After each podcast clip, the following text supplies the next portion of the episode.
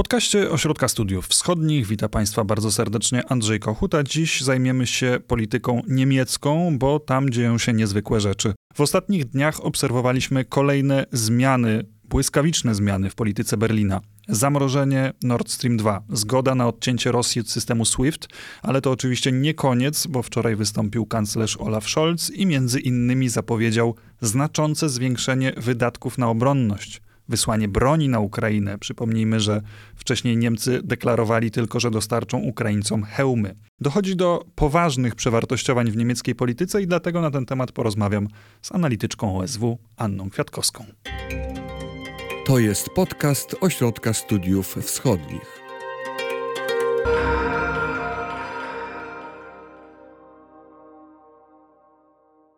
Dobrze, to zacznijmy od początku, od podstaw, od tego, co właściwie powiedział i ogłosił wczoraj Olaf Scholz. Olaf Scholz wczoraj w Bundestagu ogłosił same przełomowe rzeczy, ale zanim do tego doszło i w ogóle zostało zwołane, to nadzwyczajne posiedzenie Bundestagu, przypominam, w niedzielę i rzeczywiście bardzo takiej e, atmosferze uroczystej i wyjątkowej, bo wczoraj chyba wszyscy śledziliśmy e, w zespole, jak to wyglądało, no to doszło do takiej bardzo silnej presji na niemiecki rząd, zarówno wewnętrznej, jak i przede wszystkim zewnętrznej.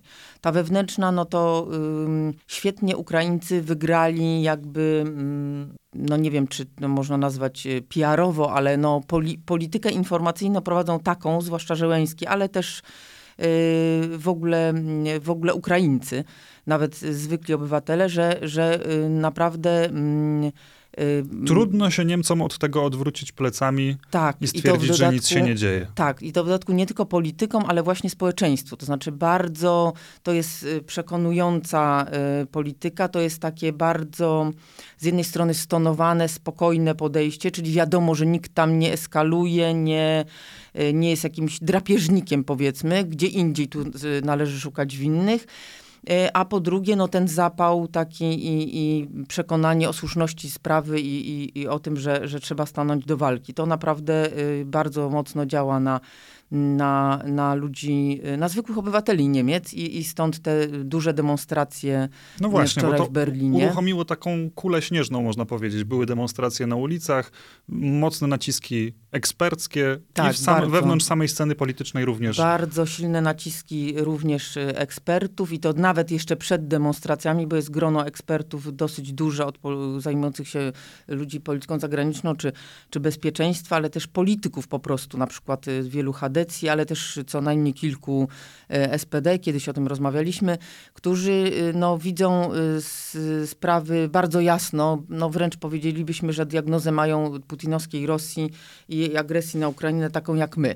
Gorzej było z jakby reakcją na, na to, co, co się tam dzieje i, i te, ta fala została też y, jakby ruszyła, czy tamy zostały z, przełamane, bo y, właśnie mm, na tym posiedzeniu, ale już też wcześniej, zostały pe pewne decyzje podjęte, a Scholz na tym posiedzeniu, zresztą i, i ministrowie jego gabinetu, wygłosili bardzo mocne przemówienia i, i retorycznie, i merytorycznie, bo to było bardzo tak powiedziane y, w ostrych słowach, zupełnie niepodobnych nie do, do, do Niemiec, bo, bo Olaf Scholz też używał takich mocnych sformułowań, jak to, że Putin jest podżegaczem wojennym, że, że trzeba mu się przeciwstawić mm, i tak dalej, a ale też y, merytorycznie tam było bardzo dużo takich rzeczy, które powiedzielibyśmy, że no, upadają filary dotychczasowej polityki niemieckiej.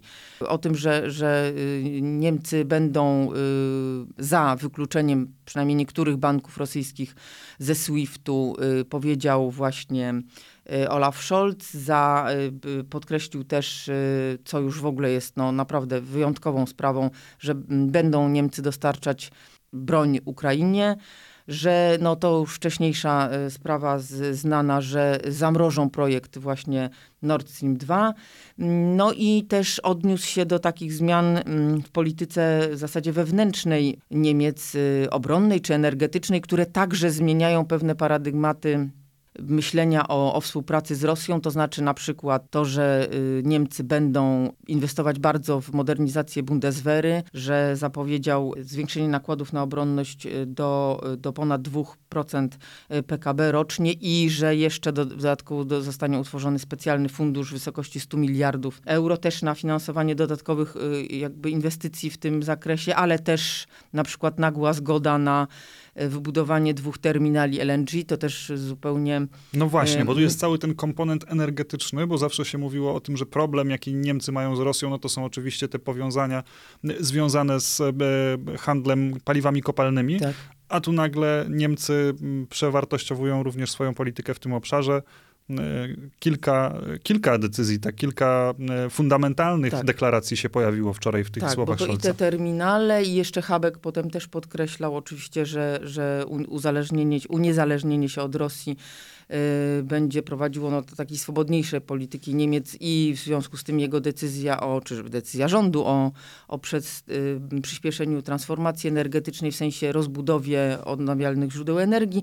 No generalnie mieliśmy cały pakiet takich i słów, i y, decyzji. To pamiętajmy, że to są rzeczy, które oni zapowiedzieli, jak to będzie wyglądało w praniu i, i realizacji, to zobaczymy. No ale same zapowiedzi już y, są bardzo ważne. No, dla nas... Tam się y, chyba jak... jeszcze wątek atomu pojawił, prawda? Przy okazji tych y, rzeczy energetycznych. Tak, ale to już nie, to nie w samej chyba... Znaczy w, debacie też było coś o tym, ale generalnie widzimy, że, że zaczyna to coraz bardziej y, y, wypływać i, i Habek w jakiejś innym, przy jakiejś innej okazji zaczął się zastanawiać głośno, na, oczywiście w odpowiedzi na pytanie, że no, nie chce wykluczać y, wszystkie opcje na stole, to trochę jak, jak przy Nord Streamie, ale na razie i tu wymieniał, dlaczego to nie jest takie niezbędne, tak, że to jest... Y, y same jakby, sami właściciele biznesowi tych elektrowni nie są przekonani, zainkasowali w końcu odszkodowanie od, od y, rządu za, za wyłączenie, że to nie jest aż taka duża ilość energii produkowana w tych y, Y, elektrowniach, no różne inne y, y, przytaczał argumenty, ale generalnie powiedział, że będą to poważnie rozważać urzędnicy urzędnicy w ministerstwie. Także no, ta debata jeszcze, mogę tylko powiedzieć, że, że mm, była taka mm, spójna, jeśli chodzi o, o większość sceny politycznej niemieckiej, czyli SPD, Zieloni, FDP, no to rząd, ale też Chadecy w miarę spójnie przedstawiali to stanowisko wobec Rosji bardzo krytyczne. No i były dwie partie, które generalnie się wyróżniają zawsze na tym tle, czyli skrajnie taka, dwie skrajności. AfD na prawej stronie skrajność i na lewej stronie y, Die Linke, czyli ta postkomunistyczna lewica i one są zdecydowanie no, inaczej widzą y, politykę wobec Rosji.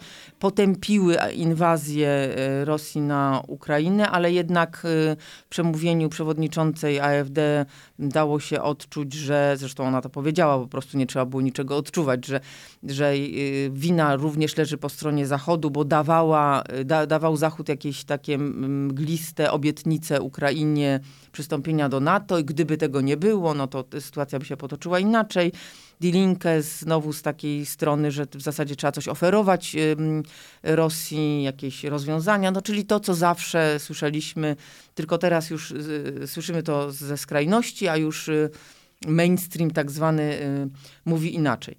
Także y, przełomowo, przełom, przełomem tej debaty jest to, że, że tam padły pewne filary dotychczasowej polityki Niemiec wobec Rosji i, to, i ona w ten sposób będzie zapamiętana. To znaczy, że tam, y, że tam skończyła się pewna era, również era Merkel, no bo właśnie, bo ja inaczej trochę. chciałem cię zapytać, jak spojrzysz na taką diagnozę, że tam właściwie dwie rewolucje się zdarzyły. Po pierwsze, jeżeli chodzi o to, że Niemcy pożegnali się z tą swoją dotychczasową Ostpolitik, z, tą, z tym takim charakterystycznym dla Niemiec pojęciem Russlandversteherów, czyli tych ludzi, którzy rozumieją rosyjską politykę mhm. i że z Rosją trzeba rozmawiać inaczej, a z drugiej strony, że właśnie brutalnie zakończyła się era, Merkel tego powolnego mielenia kolejnych zmian, tak takiego stopniowego bardzo e, zmieniania niemieckiej polityki, która właściwie zmieniła się teraz z dnia na dzień.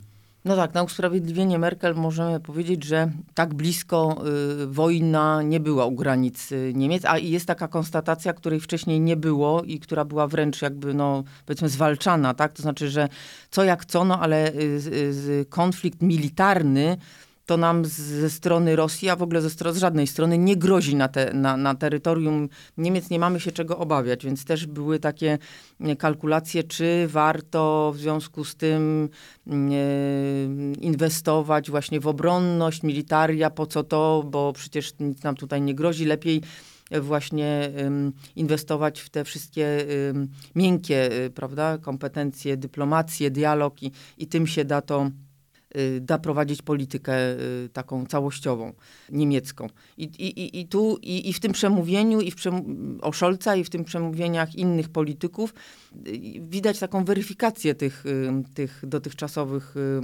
pomysłów na prowadzenie polityki w ogóle i polityki wobec Rosji, bo Y, okazało się, że niezbędne jest budowanie bezpieczeństwa europejskiego przeciwko Rosji, no to było po prostu, to jest przewrót y, kopernikański. Znaczy, no, można by znaleźć jeszcze było polityków, którzy mówili, że obok Rosji, prawda, ale przeciw, no to już naprawdę y, wyjątkowa rzecz, co oczywiście wiąże się z tą Y, zmianą w polityce obronną i obron, w polityce obronnej i, i to y, wsparcie sojuszniczych działań, wejście jakby mocne w Niemców do, do do współpracy z, i z NATO, i z Unią. To się działo oczywiście, no ale teraz zostało głośno powiedziane i, i, i będą, i, i, spodziewamy się jeszcze większego zaangażowania.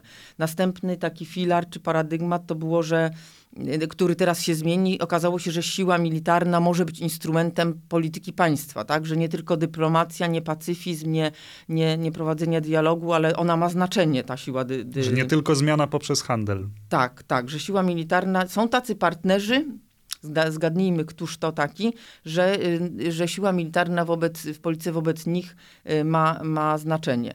No stąd ta zapowiedź wysyłania na przykład y, Ukrainie broni i, i tego wzmocnienia Bundeswehry że można wykorzystywać swoją siłę gospodarczą przeciwko y, agresorowi po prostu, tak? Stąd to wprowadzenie, zapowiedź wprowadzenia sankcji finansowych, to wykluczenie y, gospodarczych i wykluczenie z, z, niektórych banków ze, ze SWIFT-u i zapowiedź dalszych sankcji, bo to nie, nie będzie koniec i o tym mówił też Scholz.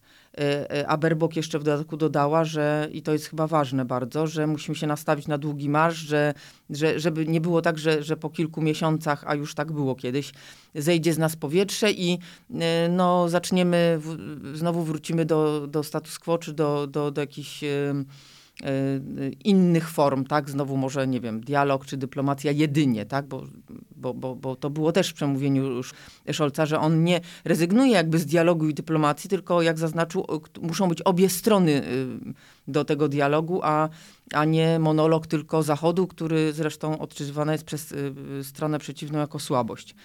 No i w końcu dochodzimy też do tego uzależnienia energetycznego, że się okazało, że że z takim partnerem jak y, Putin to nie jest uzależ- współuzależnienie energetyczne, jak to przedstawiali Niemcy i nie obawiali się tego, tylko że to jest zależność, która powoduje od razu słabszą pozycję negocjacyjną w przypadku konfliktu i, i wykorzystywaną bezwzględnie przez, jeszcze nie tak bezwzględnie, zobaczymy co się będzie działo, ale dość bezwzględnie przez, przez przez y, agresora, tak?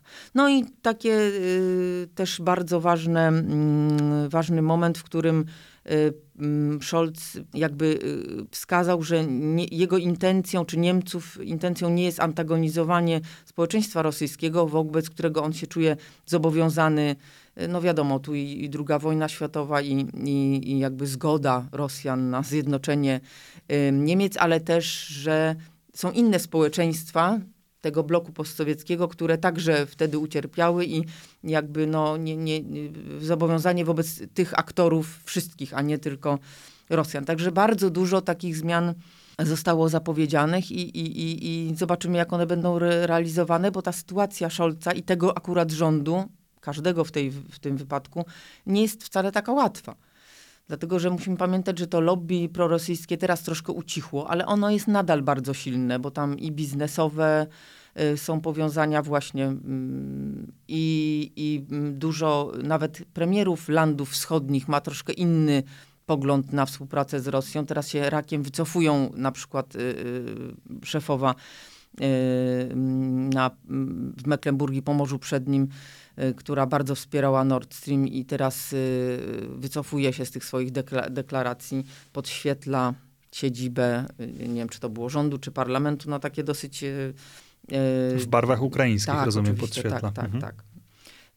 Takie dosyć, no, tak, taki przejaw hipokryzji z, z, jej strony, to jej wszyscy wyrzucają. E, w końcu te dwie partie, o których wspomnieliśmy, to jest jednak razem ko około 10% społeczeństwa. No, oni mają swoje, swoich wyborców i ta, te, te, to, to, te 20%, bo po 10, no to, to też trzeba będzie przekonać e, jakoś do, do tej nowej polityki. E, mamy też, zobaczymy też, jak będą działały te sankcje gospodarcze na, na gospodarkę nałożone na, na Rosję, na gospodarkę niemiecką, bo one mogą być bardzo bolesne i tu się mogą zmieniać też nastroje.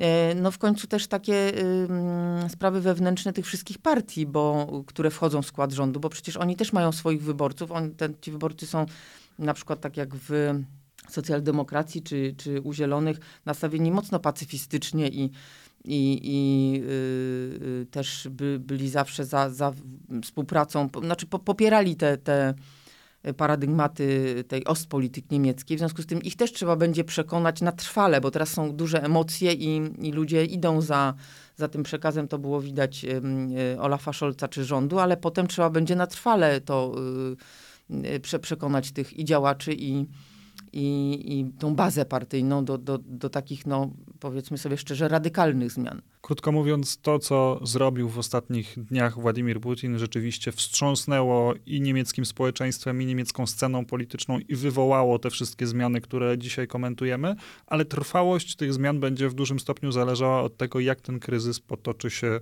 dalej. Tak, zdecydowanie. Zdecydowanie będziemy musieli poczekać na na to, żeby powiedzieć tak, to się dokonało, te zmiany są, były rewolucyjne, ale, y, ale są trwałe i, i to już, y, już nigdy nie ma powrotu do, do, zmian, do, do, do specjalnych stosunków Niemiec z Rosją. Jeśli będzie jakaś Ostpolitik, czy polityka wschodnia, to ona będzie robiona na poziomie europejskim ze wszystkimi partnerami. Tego, znaczy, no, tak byśmy chcieli powiedzieć, ale to no, na, na, na taką konstatację musimy jeszcze poczekać. Bardzo Ci dziękuję za dzisiejszą rozmowę. Anna Kwiatkowska dziękuję. była dzisiaj gościem podcastu dziękuję bardzo. Ośrodka Studiów Wschodnich. Państwu bardzo dziękuję za wysłuchanie tej rozmowy. Zapraszam oczywiście do śledzenia naszych podcastów, ale także kanału YouTube'owego, gdzie codziennie pojawiają się analizy tego, co dzieje się na Ukrainie. Bardzo zachęcam do oglądania i do słuchania. Wysłuchali Państwo podcastu Ośrodka Studiów Wschodnich. Więcej nagrań można znaleźć na stronie www.osw.waw.pl.